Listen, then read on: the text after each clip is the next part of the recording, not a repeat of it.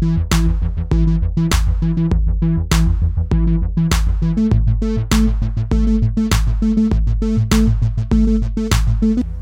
till Pappa Chef-podden, podden om föräldraskap och ledarskap. Jag heter som vanligt Johan Palmberg och det är jag som är pappachefen. Det innebär att jag är pappa till väldigt många barn. Jag har varit chef och ledare i olika roller i hela mitt yrkesliv och på fritiden så gillar jag att hålla på med musik, poddning och fotboll. Den här podden görs som vanligt i samarbete med Small Steps, din partner inom ledarutveckling, coachning inom CSR, lean och nätverkande. Pappa Chef-podden är podden som pratar om svårigheterna och möjligheterna med kombinationen förälder och chef. Vad kan man lära sig av ledarskapet på hemmaplan som är användbart till jobbet och tvärtom?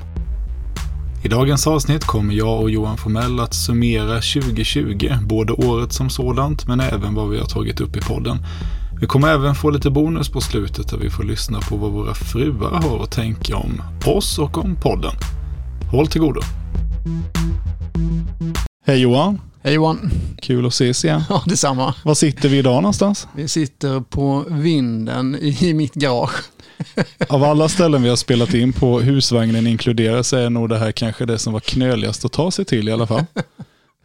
Eftersom kanske inte alla är så graciösa. Nej, man ska alltså upp för en aluminiumstege för att ta sig hit. Men nu, nu är vi här. Och är vi här. vad är det för dag idag? Det är den 31 december 2020. Det är väl en bra dag för att summera ett år eller? Jag tycker det. Ja. Eh, några, det är ju exakt på pricken här. Vad blir det? Fyra, fem timmar kvar. Ja, 2021. precis. Och medan fruarna lagar mat som sig bör Mm. så sitter vi här och spelar in podd. Ja, precis. Sen ska väl tilläggas då att jag har faktiskt gjort ganska mycket innan Ah. detta och hjälpt till med detta. Så eh, det har varit, eh, men vi fick ju tillåtelse kan vi säga. Det är ju lätt att säga det när hon inte är här, men okej. Japp. Mm, Så är det. det är bra. Får stå till svars för det sen. Precis. Eh, nej, men vi tänkte att vi skulle summera året lite. Mm. Vi har ju klarat av vårt första år med Pappa Chef-podden. Ja. Eh, och det var ju inte vilket år som helst. Nej, det Det var ju alltså ju- 2020. Anu, anus ter, ter, horribilus, eller vad säger man på, på latin? Det hemska Inte. året. Inte en aning. Nej, men det är ju ett eh, speciellt år. Ja, så kan man säga. Samtidigt som jag kan tycka att det finns otroligt mycket positivt av detta året. Väldigt mycket. Eh, många kanske ser till det negativa och eh, kommer se tillbaka det på som ett eh, tråkigt och dåligt år. Eh, personligen så absolut, det har varit saker som inte varit så roligt och det finns begränsningar och, de sakerna, men det finns ändå mycket positivt eh, för egen del att ta ur det. Alltså jag har nog aldrig spenderat så mycket tid med familjen under ett år som jag gjort under detta året på grund av att jag inte kan resa i mitt jobb och de här bitarna. Mm. Så det finns mycket positivt av, från detta året att ta med sig in i framtiden Mm. och inte bara in i 2021. Mm. Hur känner du? Nej, men jag, jag håller väl med dig. Min kalender minskade med ungefär en tredjedel Mm. från mars månad och framåt, vilket jag skämtsamt brukar säga gör att jag kan jobba heltid. Mm. Eh, så jag håller väl med dig. Det, är väl, eh, det är väl så att det har, det har öppnat för andra möjligheter. Mm. Eh, Sen- men sen är det klart att det har varit Mm. ett hemskt år på många sätt. Ja, det har det. Och jag tänker som så här, eh, utan att gå in på detaljer, så tänker jag, eftersom att jag känner dig väldigt väl och eh, även det jag personligen har gått igenom, corona har varit den lätta biten detta året. Eh, Ja. Vi har båda saker som vi har gått igenom och samtalat mycket om som har varit eh, fruktansvärda och eh, väldigt tuffa. Mm. Och eh, så jag tycker att för egen del tycker jag corona har varit den lätta biten att hantera Mm. jämfört med mycket av det andra som man har mött och faktiskt fått hantera. Håller helt med och jag säger som du, vi kanske ska hålla en del saker ifrån podden här, men, Mm. men absolut är det så. Eh, och kanske är det så att man ändå får se att möjligheten till att kunna vara hemma mer med sin familj ändå har behövts under det här året, inte minst för min familjs del, Ja, med tanke på andra saker som vi har varit med om. Då. Men absolut, det är väl fantastiskt att vi kan titta tillbaka på året med någon form av eh, liksom värme och tacksamhet. Ändå. jo men det tycker jag. Det, det, det gör jag verkligen. Och vet du vad det bästa, en av höjdpunkterna för mig under året, det har faktiskt varit att vi har fått göra den här podden ihop. Ja, det har faktiskt varit väldigt roligt. Ja, det måste jag säga. Och framförallt för att det är så kul att få eh, glada tillrop från eh, människor runt omkring. Mm. Eh, Så stort tack till er som har lyssnat på alla avsnitt hittills. Och Mm. vi hoppas att ni följer med oss in i 2021. Då blir det väl förhoppningsvis ännu bättre. Ja, vi tänker att även vi utvecklas. Jag menar, lyssnar vi på det första avsnittet och kanske de som har varit så hoppas man att man utvecklas och faktiskt kan tillföra någonting. Och det är väl lite det som är planen. Eh, jag satt faktiskt och funderade lite. Alltså mm, det här med eh, att man lämnar ut sig själv och man pratar om saker och ting. Eh, som att man eh, ibland kanske har full koll. Eh, det vågar jag nog säga att det har man inte. Jag har både sårat eh, människor, gjort misstag, gjort bra saker, blivit anklagad för saker som är sant, blivit eh, eh Ja, då kan man inte bli anklagad för saker som är osant så att säga, men det, det har varit mycket även sånt och eh, även vi gör ju någon form av resa hela tiden, kontinuerligt. Precis, och jag tror aldrig att någon har heller trott att vi har utgett oss för att kunna Nej. allt, utan Eh. det här är ett samtal mellan två vänner som råkar befinna sig i ungefär samma situation. Precis. Som vi vet att många andra också befinner sig i. Ja. Att hitta balansen mellan karriär eh, och familj. Mm. Vilket ju tyvärr många gånger inte slutar så väl. Eh, och det är väl vår mission på något sätt att försöka se till att eh, bidra med, med de ja, kunskaper och tankar och idéer som vi ändå lyckas mejsla fram oss Ja, och emellan. erfarenheter med. Mm. Eh, Som vi har haft med oss. För både du och jag har ju haft ett chefskap i alla fall eh, en ganska lång tid nu Mm. och summerar vi ihop bådas delar så är det faktiskt en tid. Och vi tror ju att det är viktigt att man, eh, man eh, liksom eh, får möjligheten att eh, skapa ett nätverk runt sig. Mm. Vi pratar ofta om att man ska utbilda sig, man ska läsa böcker, man ska lyssna på Mm. poddar, både om ledarskap och föräldraskap kanske. Men, men vad gäller föräldraskapet så tror vi ju att den överlägset viktigaste delen är ju att ha en vän. Liksom. Någon Precis. att prata med, Någon någon att dela sina tankar med. Mm. Och eh, vi får väl se under nästa år. Förhoppningsvis så kan vi väl bredda konceptet pappachefen lite grann. Utan, vi. att, utan att gå in på Utan detaljer. att dra massa detaljer, utan vi hoppas att vi kan bredda det och eh, så att mer kan få glädje av det. Precis. Härligt. Eh, vi ska väl eh, hoppa in i dagens avsnitt, men innan vi gör det Johan, eh, hur går det med löpträningen? Det går ju fantastiskt. Nej, men återigen, eh, hamnat på cykeln istället. Jag har cyklat idag, jag har cyklat igår eh, och eh, det fungerar väldigt väl just nu. Mm. Det, själv då? Eh, jo, men jag har ändå, eh, sen jag blev av med corona, så har jag försökt att hålla igång. Nu sprang jag för två dagar sedan och idag har jag varit på gymmet ändå, så jag får väl räkna det som något sånär okej. Mm.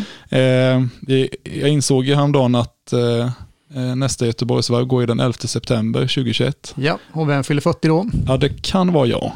Eh, och min fru tittade med glädje på mig när jag sa att det var den dagen och sa, vad bra, då kan vi fira i Göteborg, sa hon.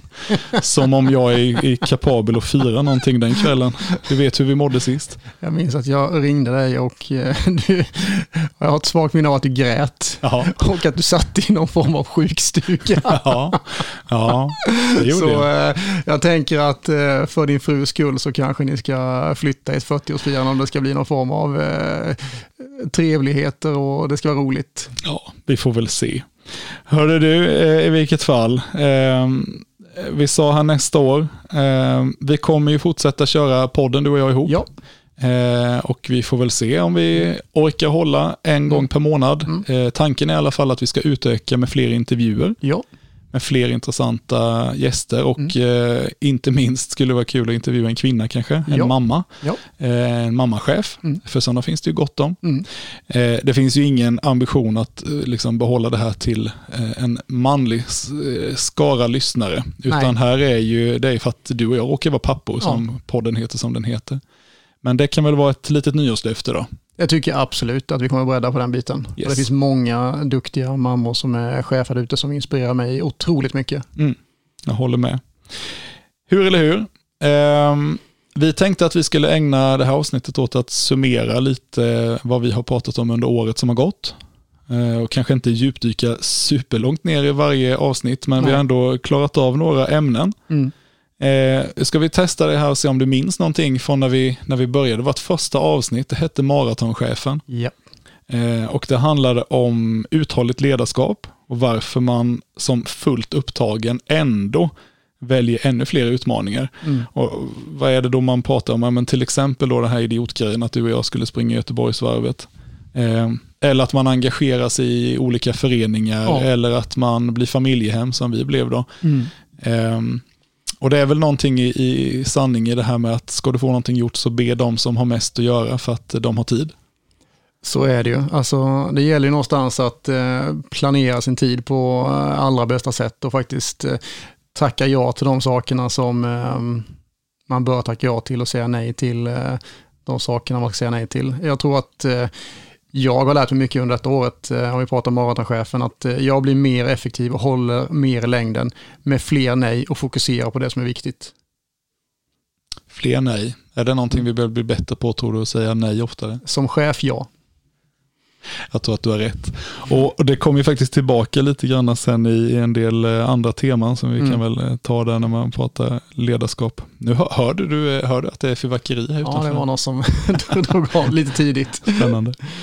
Nej, men det, är bra. Det, var ju, det var ju första temat, maratonchefen. Um, har du något mer kring den vi funderar på? Nej, inte så. Jag kan bara säga att det har tagit mig väldigt mycket tid. Jag vet att i början sa man ja till väldigt mycket som var spännande när man mm. var chef. Mm. Eh, idag prioriterar jag väldigt, väldigt hårt och är väldigt strategisk i vad jag säger ja och nej till.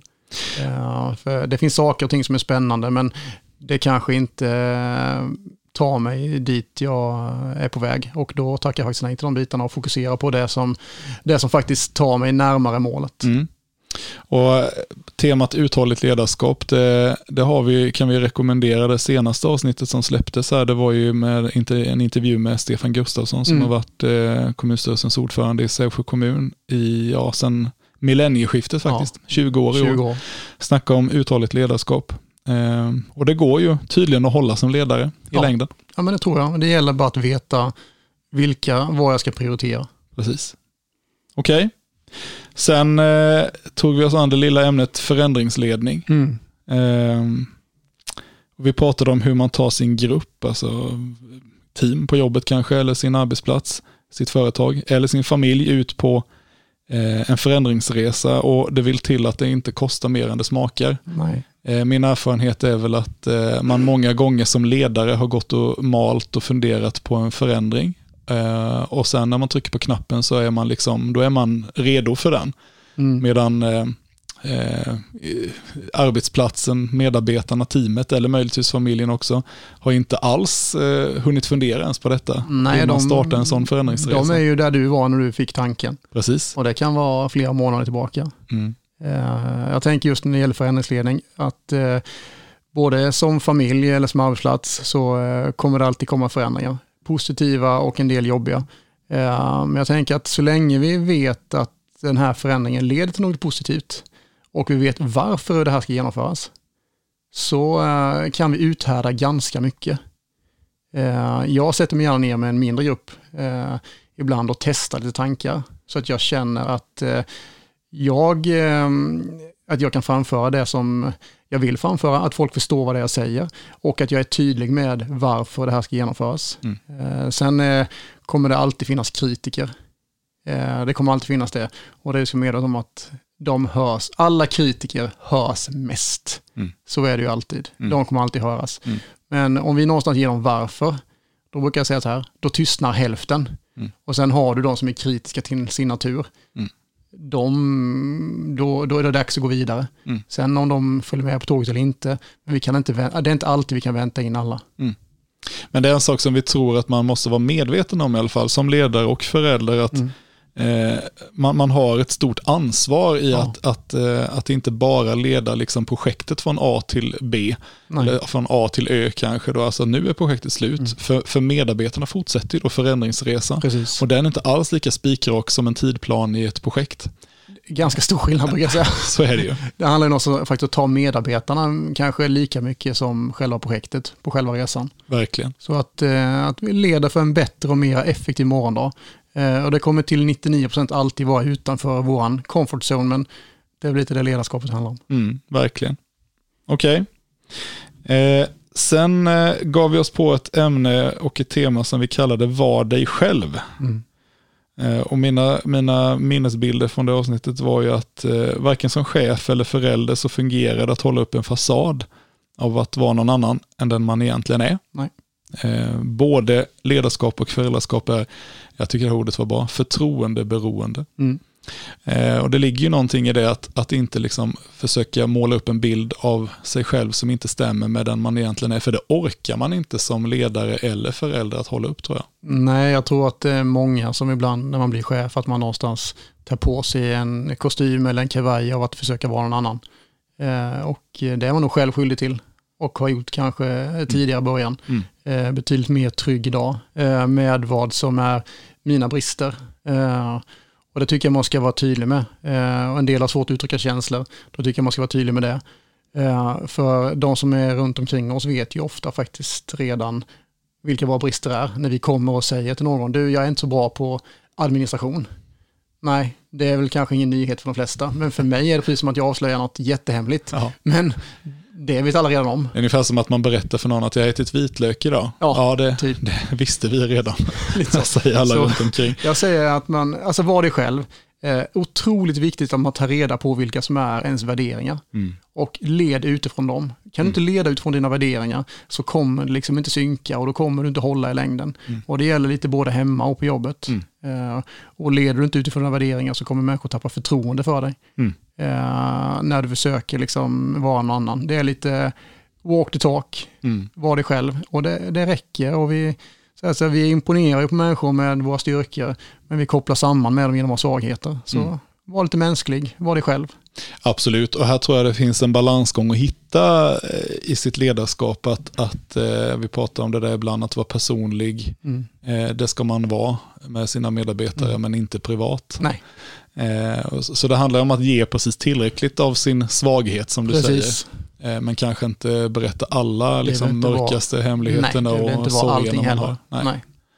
Men det är intressant och jag tänker, inte minst utifrån ett föräldraperspektiv, att, att eh, som du säger, att på samma sätt som en medarbetare avslöjar dig, ifall du inte mm. liksom agerar som du egentligen är, så eh, familjen ännu mer. Oh ja. Eh, och där återigen, det här kommer vi återkomma till så många gånger, insatsen är så mycket högre med ett barn än med en medarbetare. Absolut. Eh, så det är liksom inte värt att, att eh, försöka visa någonting som inte är sant. Nej.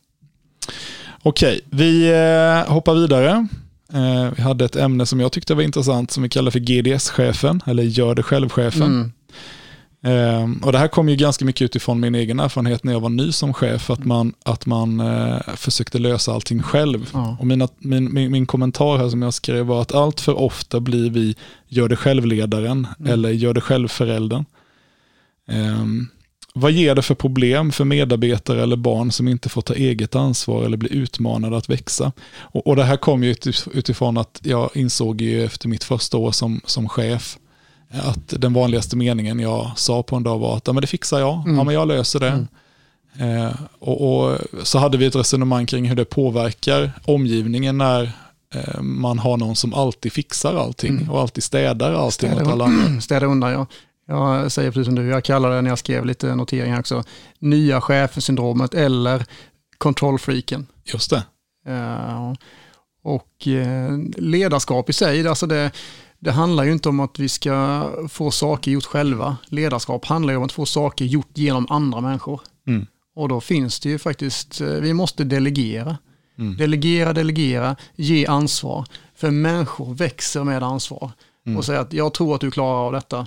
Tro på människor, ge dem ansvaret och stötta och hjälp. Eh, mm. och så ska jag göra det som kanske bara jag kan göra. Det finns ju uppgifter som man ligger på mitt bord som kanske ingen annan kan eller får göra. Mm. Alltså lägg krutet på det. Exakt. Jag tror att det, men just det här som du säger, gör det själv-chefen är nog ganska eh, vanligt bland eh, både yngre och framförallt nya chefer. Alltså man, eh, jag ska klara av allting, jag ska kontrollera allting. Mm. Alltså det, då håller man inte i längden utan Hjälp, stötta din personal eh, och till alla kontrollfrikar, det är obehagligt men det, är så det funkar. Eh, och när det blir fel så ska vi inte skylla på dem utan vi som chef ska ta ansvar för det, mm. även de bitarna. Mm. Eh, och stötta och hjälpa och trycka ner och lyfta. Sen ska vi väl också vara medvetna om just när det gäller detta att ibland så behöver vi flytta på personal som inte fungerar. Mm. Och det är också vårt ansvar. Mm. Och det är tuffa bitar. Och samma sak hemma stötta och hjälp barnen uppmärksamma ja, men deras bra sidor. Mm. Och hjälp dem med det jobbiga.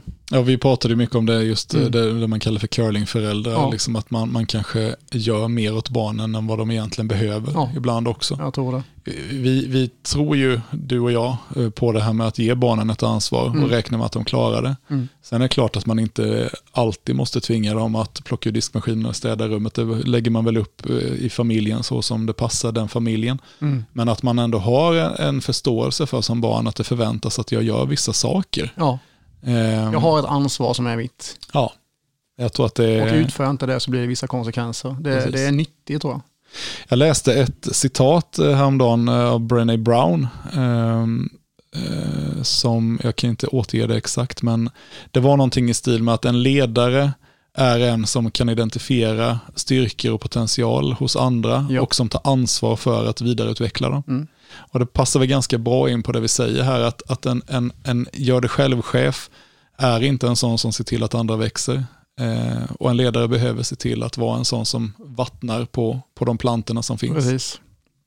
En chef, eh, eh, vad ska jag säga, chefen liksom brukar ofta kanske bygga upp saker kring runt sig själv. En ledare skapar andra ledare. Mm. Och då växer både människor runt omkring och även organisationen. Mm. Och det är samma sak med ett eh, föräldraskap skulle jag säga. Alltså, mm.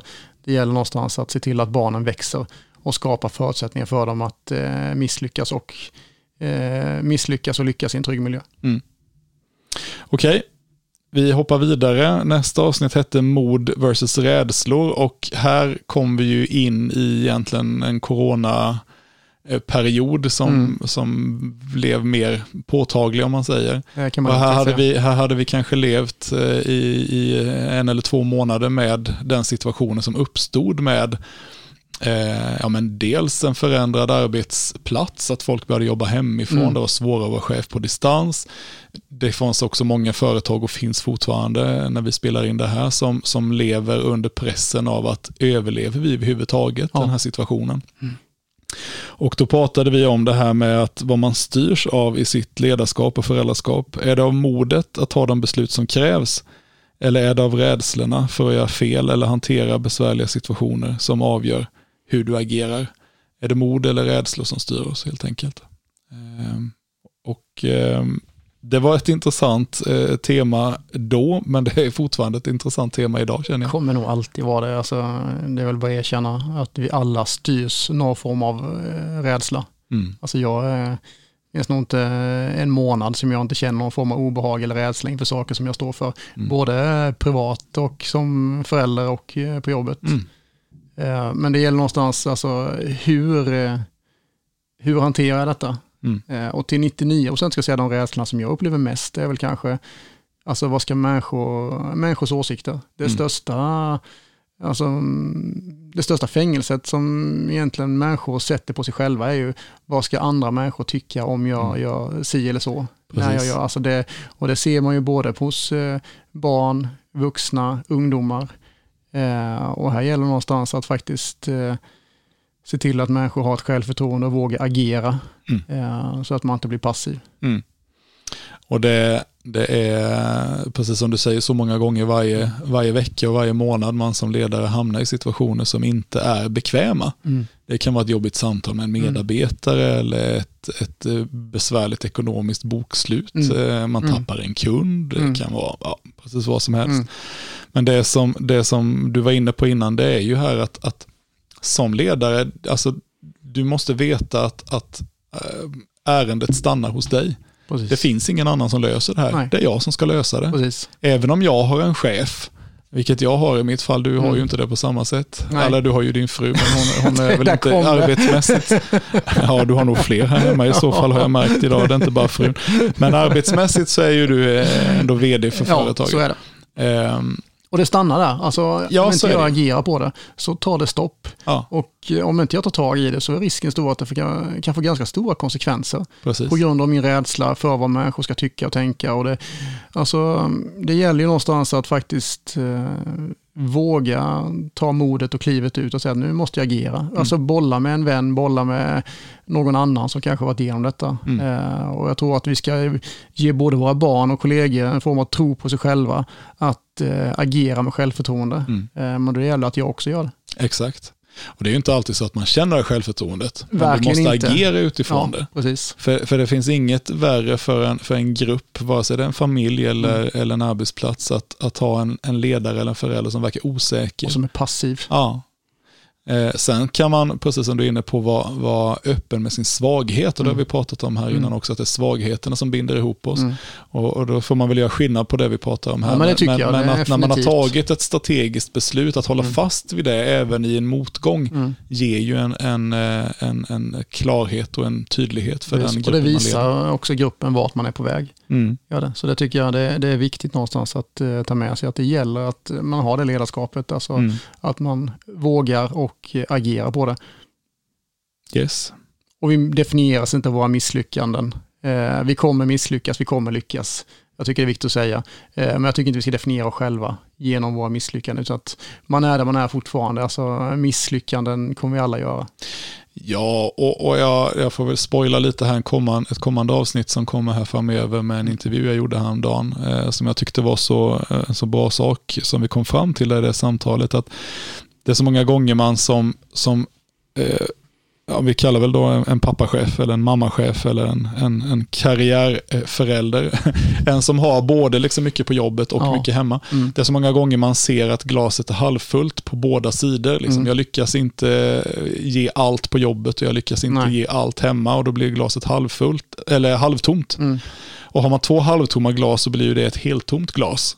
Men om man däremot är lite schysst mot sig själv och ser att jag har Mm. ett halvfullt glas Precis. på jobbsidan och ett halvfullt glas på föräldrasidan eller familjesidan så Mm. får man ju faktiskt ett helfullt Ja. glas. Och jag tror att det är det lite som du säger, det är summan av eh, både misslyckandena och framgångarna Mm. som identifierar oss. Ja.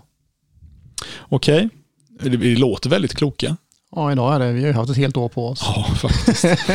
och så tar vi de bästa meningarna. Ja, precis. Det här är verkligen att koka ner allt det vi har sagt till, Ja, till, till bara det bästa. Kan ni lyssna på ett avsnitt och lyssna bara på detta? Exakt. Okej, sen gick vi vidare och Mm. vi pratade om ett avsnitt eller tema som hette lite bättre varje dag. Ja. Eh, och min, min kommentar var så här att att bli en bättre ledare eller förälder sker inte genom kvantsprång utan genom det enträgna gnetandet i att varje dag hålla fokus och disciplin. Ja. Och här hade du ju ett bra exempel på ett eh, eh, konferensanläggning har jag för mig som eh, eh, under coronatiden liksom kanske inte hade hållit uppe den standarden som Ja, du var van vid. Jag, var, jag blev lite besviken eh, faktiskt. Eh, det här när man liksom eh, låter eh, omständigheter runt omkring eh, fallera den kvaliteten som man har hållit innan. Och jag har Mm. varit ganska tydlig med det på, vårt, eh, på vår arbetsplats att bara för att det ser ut som det gör så ska inte vår kvalitet eh, bli sämre. Mm. Kanske till och med måste bli bättre. Mm. Eh, och jag brinner ju mycket för det här, alltså att någonstans att, eh, att man någonstans ska ta små, små steg varje dag. Jag Mm. brukar säga att du kan inte ge av det du inte har. Alltså jag har ju någon form av rutiner där jag konstant fyller på hela tiden. Mm. I princip varje dag för att inte tappa den här skärpan. Eh, jag läser något varje dag. Jag säger till mina barn att jag älskar dem varje dag. Mm. Eh, och det är någonstans, alltså mm, säger jag det till dem en gång i månaden jämfört med att säga det varje dag. Så tänker jag att eh, det får en otroligt större effekt och nu är det liksom nu sker det varje dag. Jag, jag tänker att om man, vill börja, om man börjar någonstans med slutet, eh, i detta fallet, hur vill jag, vad vill jag att barnen ska veta? Mm. Ja, men jag, jag vill att de ska veta att jag tycker om dem. Mm. Ja, vad gör jag då? Vad gör jag? Ja, men jag säger till dem varje dag att jag tycker om dem, att jag älskar dem. Mm. Eh, alltså jag börjar med var vill jag att det ska landa någonstans. Och då blir det ganska uppenbart kanske vad jag måste eh, göra. Mm. Eh, eller om du behöver bli bättre att fokusera på jobbet. Eh, gör det inte för knepet för dig. Skriv ner en sak eh, innan du går hem. Det här ska jag göra imorgon. Mm. Och så ser du till att det är gjort. Mm. Och sen fyller du på den här listan med två, tre saker. Gör så i fyra veckor. Mm. Så har du till slut skapat en vana liksom. Där du kanske blir mer fokuserad Mm. och eh, får mer gjort. Mm. Och det är hela tiden så lätt att man agerar, eller inte agerar, att man reagerar på andra människors prioriteringar istället för att agera på det som jag ska göra eller på det som skapar något bättre långsiktigt. Mm. För oftast eh, reagerar vi på saker som brinner. Istället för att agera på saker som behöver bli gjort ur ett långsiktigt perspektiv. Och det här var intressant för det ledde så väl in i nästa avsnitt vi hade, nästa tema, Mm. som vi kallade för vila dig i form. Men det handlade ju inte bara om vila utan det handlade mycket om reflektion också. Ehm, och, och då skrev vi så här, går det att hitta tid för vila och reflektion när man har fullt i schemat varje dag? Mm. Och vad händer om man som ledare eller förälder aldrig tar sig tid för utvärdering, vila och reflektion? Och då är vi inne på, på det som du sa här innan, att om jag inte liksom reflekterar över vad jag behöver göra, om inte jag ger mig själv tiden som ledare eller förälder att, att veta vad som är viktigast att jag gör just nu. Nej. Jag har en, en, en vd som frågar det ganska ofta, han kan bara sticka in huvudet och säga så här, vad är viktigast just nu? Mm. Och då måste jag ju veta det. Liksom. Mm. Inte för att jag ska liksom vara eh, duktig inför honom, men, men det har ju gett en effekt att man, man Mm. bör ju ha koll på vad är det som är viktigt just Precis. nu.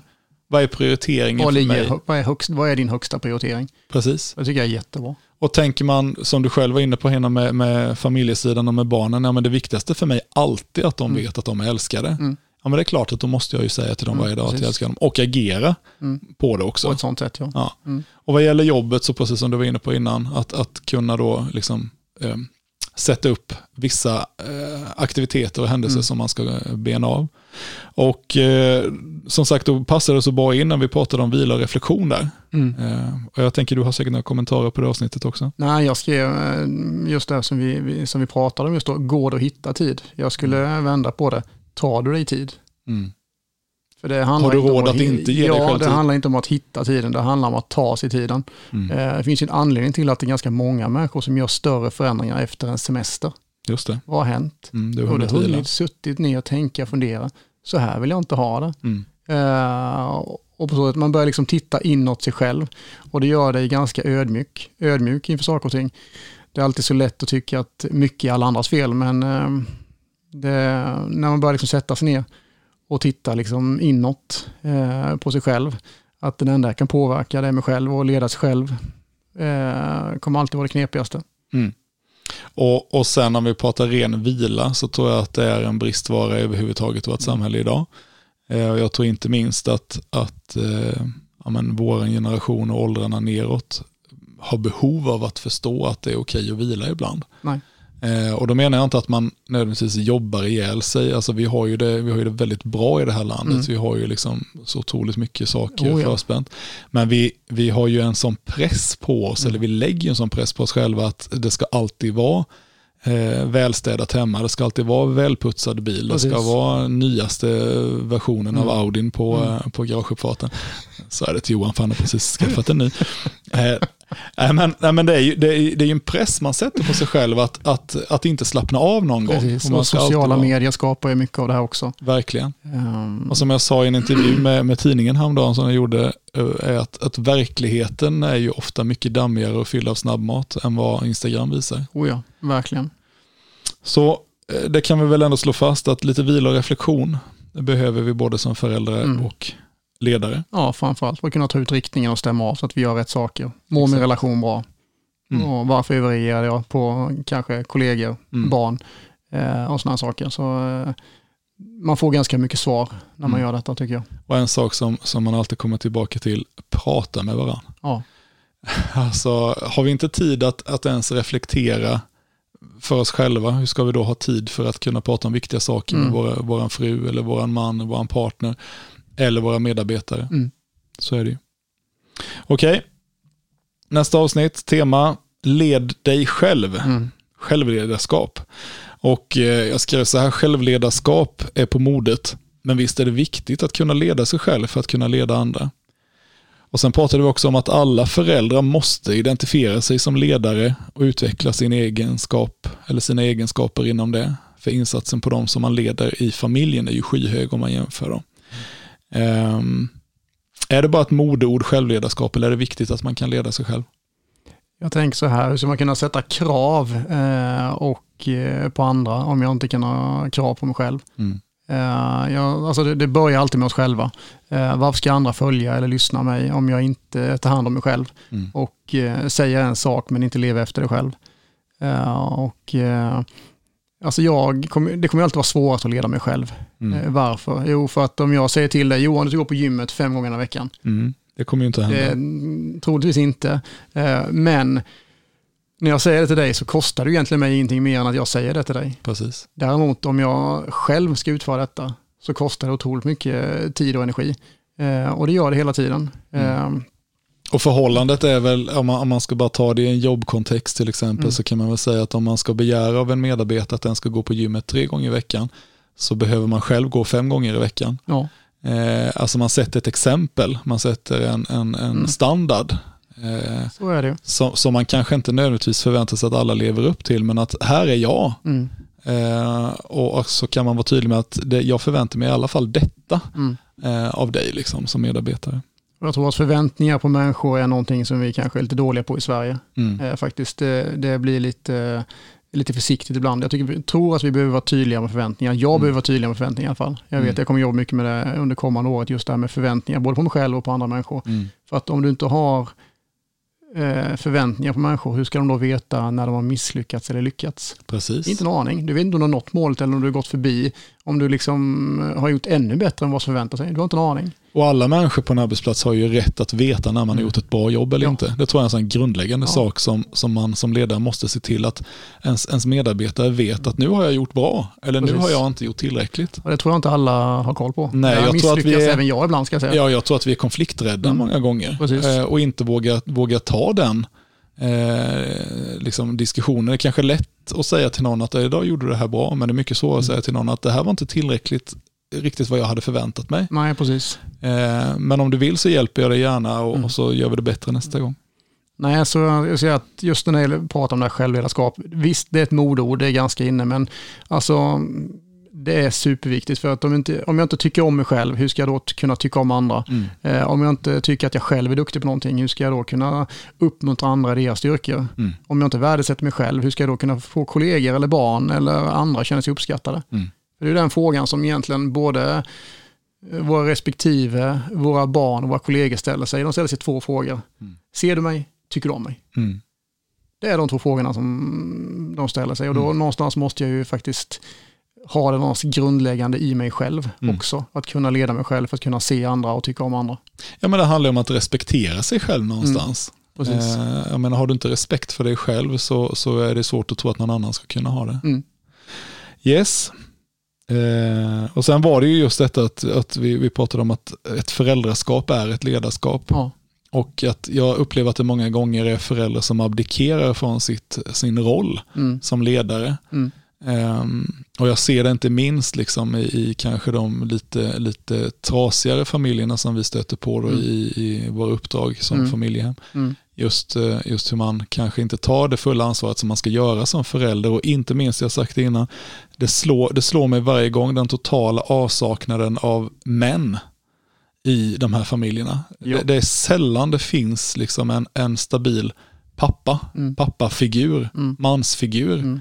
Utan det är kvinnorna som lämnas till att ta hand om Mm. eh, liksom uppfostran av barnen. Och Mm. det, det, det är väl ett, en mission som pappa chef-konceptet ska ha framöver. Att, att se till att män tar det ansvaret som man ska göra i Ja. en familj. Framförallt hemma. Ja, jag tror, jag tror både du och jag kan liksom, eh, förbättra oss säkert också. Eh, men jag tror att det är viktigt att vi pratar om det. Eh, Okej, vi eh, är snart inne på upploppet här. Vi pratade framåt eh, oktober tror jag, om eh, ett tema som heter andra ögon. Ja. Och vi pratade om att ibland måste vi ju få någon annans input, både på vårt ledarskap på jobbet och som förälder. Och hur gör man det? Eh, Det kan ju vara rätt så jobbigt att be någon annan att eh, liksom, titta på en och hjälpa en eh, att utvecklas och förbättras. Hur stort, är, hur stort är ditt ego? Mm, exakt. Det är en fråga man kan ställa sig. Mm. Eh, Är jag beredd att lyssna och ta hjälp av andra? Eh, Om du inte är det skulle jag säga att du har ett enormt stort ego och jag skulle säga att du kanske också har ett stort eh, självförtroendeproblem. Mm. Ja, ja, precis. Jag tror att, att eh, en, ett tufft yttre döljer ofta en stor osäkerhet på insidan. Jag skulle säga att min erfarenhet är att det är en så till 90, nästan 9, men otroligt Mm. hög grad faktiskt. Mm. Eh, Det här att man är rädd för att människor ska se, vem är jag verkligen Mm. på insidan? Eh, Rädd för att bli avslöjad. Ja. Liksom. Och då är vi tillbaka till ett av de första avsnitten. Mm. Var dig själv. Precis. Ha inte en bild av att du är någon annan än den Nej. du är. Tycker du att det är jobbigt med, med, med konflikter, ja men du kanske inte behöver prata med alla dina medarbetare om det, eller konflikthantering då. Mm. Men du kanske behöver prata med någon som du har Precis. förtroende för och säga det här tycker jag är skitjobbigt. Mm. Hjälp mig, Mm. hur ska jag göra? Jag har en, eh, en, en kollega som jag pratar med ganska ofta som Mm. kommer till mig och ber om, om hjälp och säger att eh, nu ska jag ha det här samtalet, hur hade du lagt upp det? Mm. Ja, jag hade tänkt så här. Och då är det mycket lättare för mig ge råd som inte är part i målet. Precis. Liksom. Och det är så bra att man får, liksom någon annan får ta ett helikopterperspektiv på det. Verkligen. Eh, att liksom, eh, hur hade du gjort? Eh, och ibland när jag sitter inför svåra situationer och jag inte har någon att bolla med, så brukar jag liksom sätta mig själv i den sitsen. Om någon kommer och frågar mig, hur hade du gjort här Mm. i denna situationen? Vad hade jag gett för råd till mig själv? Mm. Eh, och jag tror det är viktigt någonstans där liksom att eh, man faktiskt eh, kan ha ett visst form av helikopterperspektiv. Och vi har tagit hjälp av externa konsulter eh, på jobbet. Vi har tagit hjälp eh, av professionella med barnen. Mm. Och det handlar inte om att vi har jättestora problem varken på jobbet eller hemma, utan det handlar om att förebygga och Precis. faktiskt att bli lite bättre, både som förälder och som chef och som arbetsplats. Det är väl många gånger det vi landar i att just vara proaktiv istället för att vara reaktiv. Mm. Eh, Det är så lätt att man blir det och framför allt hemma känner jag är ju, man är ju väldigt ofta reaktiv. Tyvärr ja. Eh, Och det, det är en intressant sak för att vi, vi har ju också tagit eh, hjälp med, eh, med framförallt ett av våra barn då, eh, som, som vi har fått mycket stöttning kring då. Och just hur viktigt det är med förberedelse för det barnet, att, Mm. man, att man inte bara säger att nu är det dags för det här, utan att man förbereder och säger Mm. imorgon är det ju det där vi ska göra. Mm. Och sen en timme innan säger man, kommer du ihåg att det var det här vi skulle Mm. göra? Mm. Att man förbereder, man är proaktiv, för då blir ju den här händelsen mycket, mycket mindre Mm. Än om det skulle varit bara liksom någonting som man säger i stunden. För då får man hantera Ja. allting reaktivt Mm. kan jag säga. Och det är inte kul. Nej, det, det kan man ju säga. Okej, det, var, det var andra ögon. Mm. Eh, och så det sista avsnittet vi spelade in, Mm. för sen har det varit lite intervjuavsnitt och sådär, men det sista vi spelade in det handlade om ändrade planer. Eh, ger det ångest eller ger det möjlighet till tillväxt?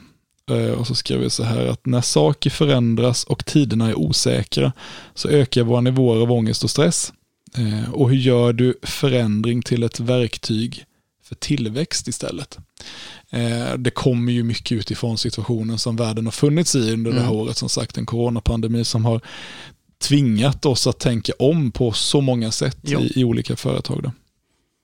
Ehm, och det är ju, det är ju det är konstaterat, och för det hade jag läst i en undersökning, att, att när det är osäkerhet och, och framförallt om det är liksom en stor osäkerhet i världen överlag som det är Mm. just nu, då, så ökar befolkningens nivåer av ångest och stress. Och rädsla.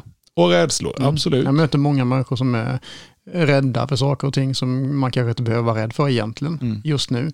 På grund av att det, man har levt i det här liksom så länge nu. Mm. Eh, men jag tänker ur ett, eh, ur ett chefsperspektiv och ett ledarperspektiv så tror jag vi ju någonstans måste lära oss att leva med en viss form av stress. Mm, absolut. saker kommer hända som vi aldrig kan förbereda oss på. Men eh, ibland är det en viss mått av ångest med. Vi kommer möta situationer som vi aldrig har mött innan. Mm. Eh, Stora frågan är hur hanterar detta? Eh, vad, och eh, vad gör jag för att förebygga de sakerna som normalt sett skapar stress inom mig? Mm. Det är olika för olika personer, men alltså hur jobbar vi då liksom proaktivt och förebygger de här bitarna? Ehm, en av de sakerna som kan irritera mig mest, det är när det kommer, det finns ju förändringar som är förväntade. Och när människor kommer och blir ir- stressade över en sak som har varit känt i ett halvår. Mm. Sånt kan göra mig fruktansvärt frustrerad. Mm. Eh, och jag får faktiskt lägga band på mig och försöka hantera detta med vissa människor. Eh, liksom, det är precis som att man, hoppsan, just ja, nu kom det här. Mm. Eh, utan det handlar liksom om att hur kan vi liksom mm, hur kan vi sänka måtten av stress och måtten av eh, nivån på liksom ångesten? Mm. Och det är ju precis som du var inne på, vi, vi får ju skilja här mellan en planerad förändring och en oplanerad Oh ja. förändring. Men jag tror att, att det finns en potential, alltså på samma sätt som, nu är jag ju ingen liksom, aktiekunnig människa här eller börskunnig människa på något sätt, men, men jag vet att det går att tjäna pengar på både upp och nedgång på börsen. Mm. Eh, och eh, jag tänker att det är lite samma vi pratar om här, att den som är liksom duktig och på Mm. tårna ser ju till att även en motgång eh, ger en möjlighet. Mm. Okej, nu gick inte detta, hur ska jag tänka då? Mm. Vad finns det istället jag kan göra? Det andra alternativet är att det här gick inte, aj, aj, aj, nu får jag lägga mig ner på rygg och dö. Mm. Och, och för den som ska driva ett företag eller vara chef för en grupp med människor eller för den delen förälder. Eh, jag menar, vill du, vill du ha någon form av trovärdighet i ditt ledarskap, föräldraskap så måste du ju vara den, återigen, här stannar problemet. Jag får vara med och bidra med Mm. lösningen. För det duger inte att bara sätta sig ner och säga, det gick visst inte. Nej, utan vi måste någonstans ta ut riktningen. Alltså vi har ju fått ställa in eh, ganska mycket. Eh, men ställa in kanske träffas fysiskt som många andra. Däremot har vi kunnat göra otroligt mycket av det som vi har planerat, Mm. men på andra sätt. Mm. Eh, och eh, det har vi genomfört. Mm. Eh, och det har varit jättenyttigt. Det har Mm. varit eh, väldigt positivt. Vi har fått lära oss nya saker. Eh, så jag tänker att alltså, här gäller någonstans att anamma så som verkligen ser ut. Alltså det är så många som lägger så otroligt mycket energi på att eh, liksom, det de inte kan påverka. Jag kan inte påverka corona, jag kan inte påverka omvärlden, jag kan inte påverka Exakt. vad andra människor tycker om mig. Men däremot kan jag påverka vad jag gör Mm. för att bidra så att saker och ting går framåt. Mm. Eh, lägg energin på det du kan påverka eh, och se till att du får ett momentum framåt. Då Mm. lovar jag att då kommer både ångest och stress minska ganska radikalt, även Mm. om det är tufft ibland. Ja, precis så är det ju, att, att försöka se vad, vad har jag Mm. faktiskt i handen Mm. som jag kan. Precis. Påverka. Och sök lösningar för detta. Mm. Och inte älta problem. För det, alltså, när du möter människor som ältar problem, då hamnar du i en dålig spiral. Yes. Det var de temana vi har benat av under året och det visar sig att det var ganska mycket intressanta saker. Ja. Och förutom detta så har vi fått göra tre intervjuer. Eller jag har gjort dem. Med, med, eh, den första var med Viktor Dahl och vi Mm. pratade om employer branding. Mm. Hur viktigt det är att vara attraktiv som arbetsgivare. Mm. Eh, vi har intervjuat eh, eh, nya HR-direktören i Region Jönköping, Patrik Ensamba. Mm. Och den sista här nu var ju då, som vi sa innan, Stefan Gustafsson, kommunstyrelsens ordförande i Sävsjö kommun. Och eh, häromdagen så gjorde jag faktiskt en ny intervju som kommer i eh, slutet på januari, Mm. eh, början februari kanske, med en eh, jätteintressant kille som heter Ville Hansén. Som, Det är eh, spännande att höra. Ja, ägare och, och eh, vd eh, för eh, Gul PR Mm. eh, som eh, jobbar med eh, ja, ag, ag, vad ska man säga? Agentur. management, Management, management Mm. för olika, framförallt författare men även andra tech, in Mm. lite inom techbranschen och sådär. Mm. Intressant att lyssna på, så det rekommenderar vi. Och som sagt, vi kommer tillbaka under nästa år. Eh, mer Pappa Chef-podd, fler intervjuer, vi lovade fler kvinnor, sa vi innan, det måste vi ha. Och eh, på ett eller annat sätt så tror vi att vi ska försöka utöka Pappa Chef-konceptet. Mm. Så stay tuned, brukar vi säga. Ja, Så får vi se vad som händer. Vi brukar tipsa om någonting också Johan. Det här brukar vara din styrka. Du brukar tr- trolla fram någonting från bakfickan. Vad har du, vad har du att tipsa om? Eh, ska du eller jag börja? Jag kan Ja, börja. Börjar du. Jag börjar då. Eh, nej, men alltså jag, jag har suttit och funderat lite, som sagt. Jag, jag sitter ju ner och funderar en del ibland och tänker lite. Och eh, utifrån min eget perspektiv och de jag möter och de jag träffar. Och att leda är inte lätt. Det ska vi vara medvetna om. Så jag eh, avslutar året med att säga, döm inte dig själv för hårt. Det är inte alltid lätt att leda. Eh, Tryck inte ner dig själv för saker som inte gick som du tänkt, utan använd det du lät lärt dig till att inte upprepa de misstagen.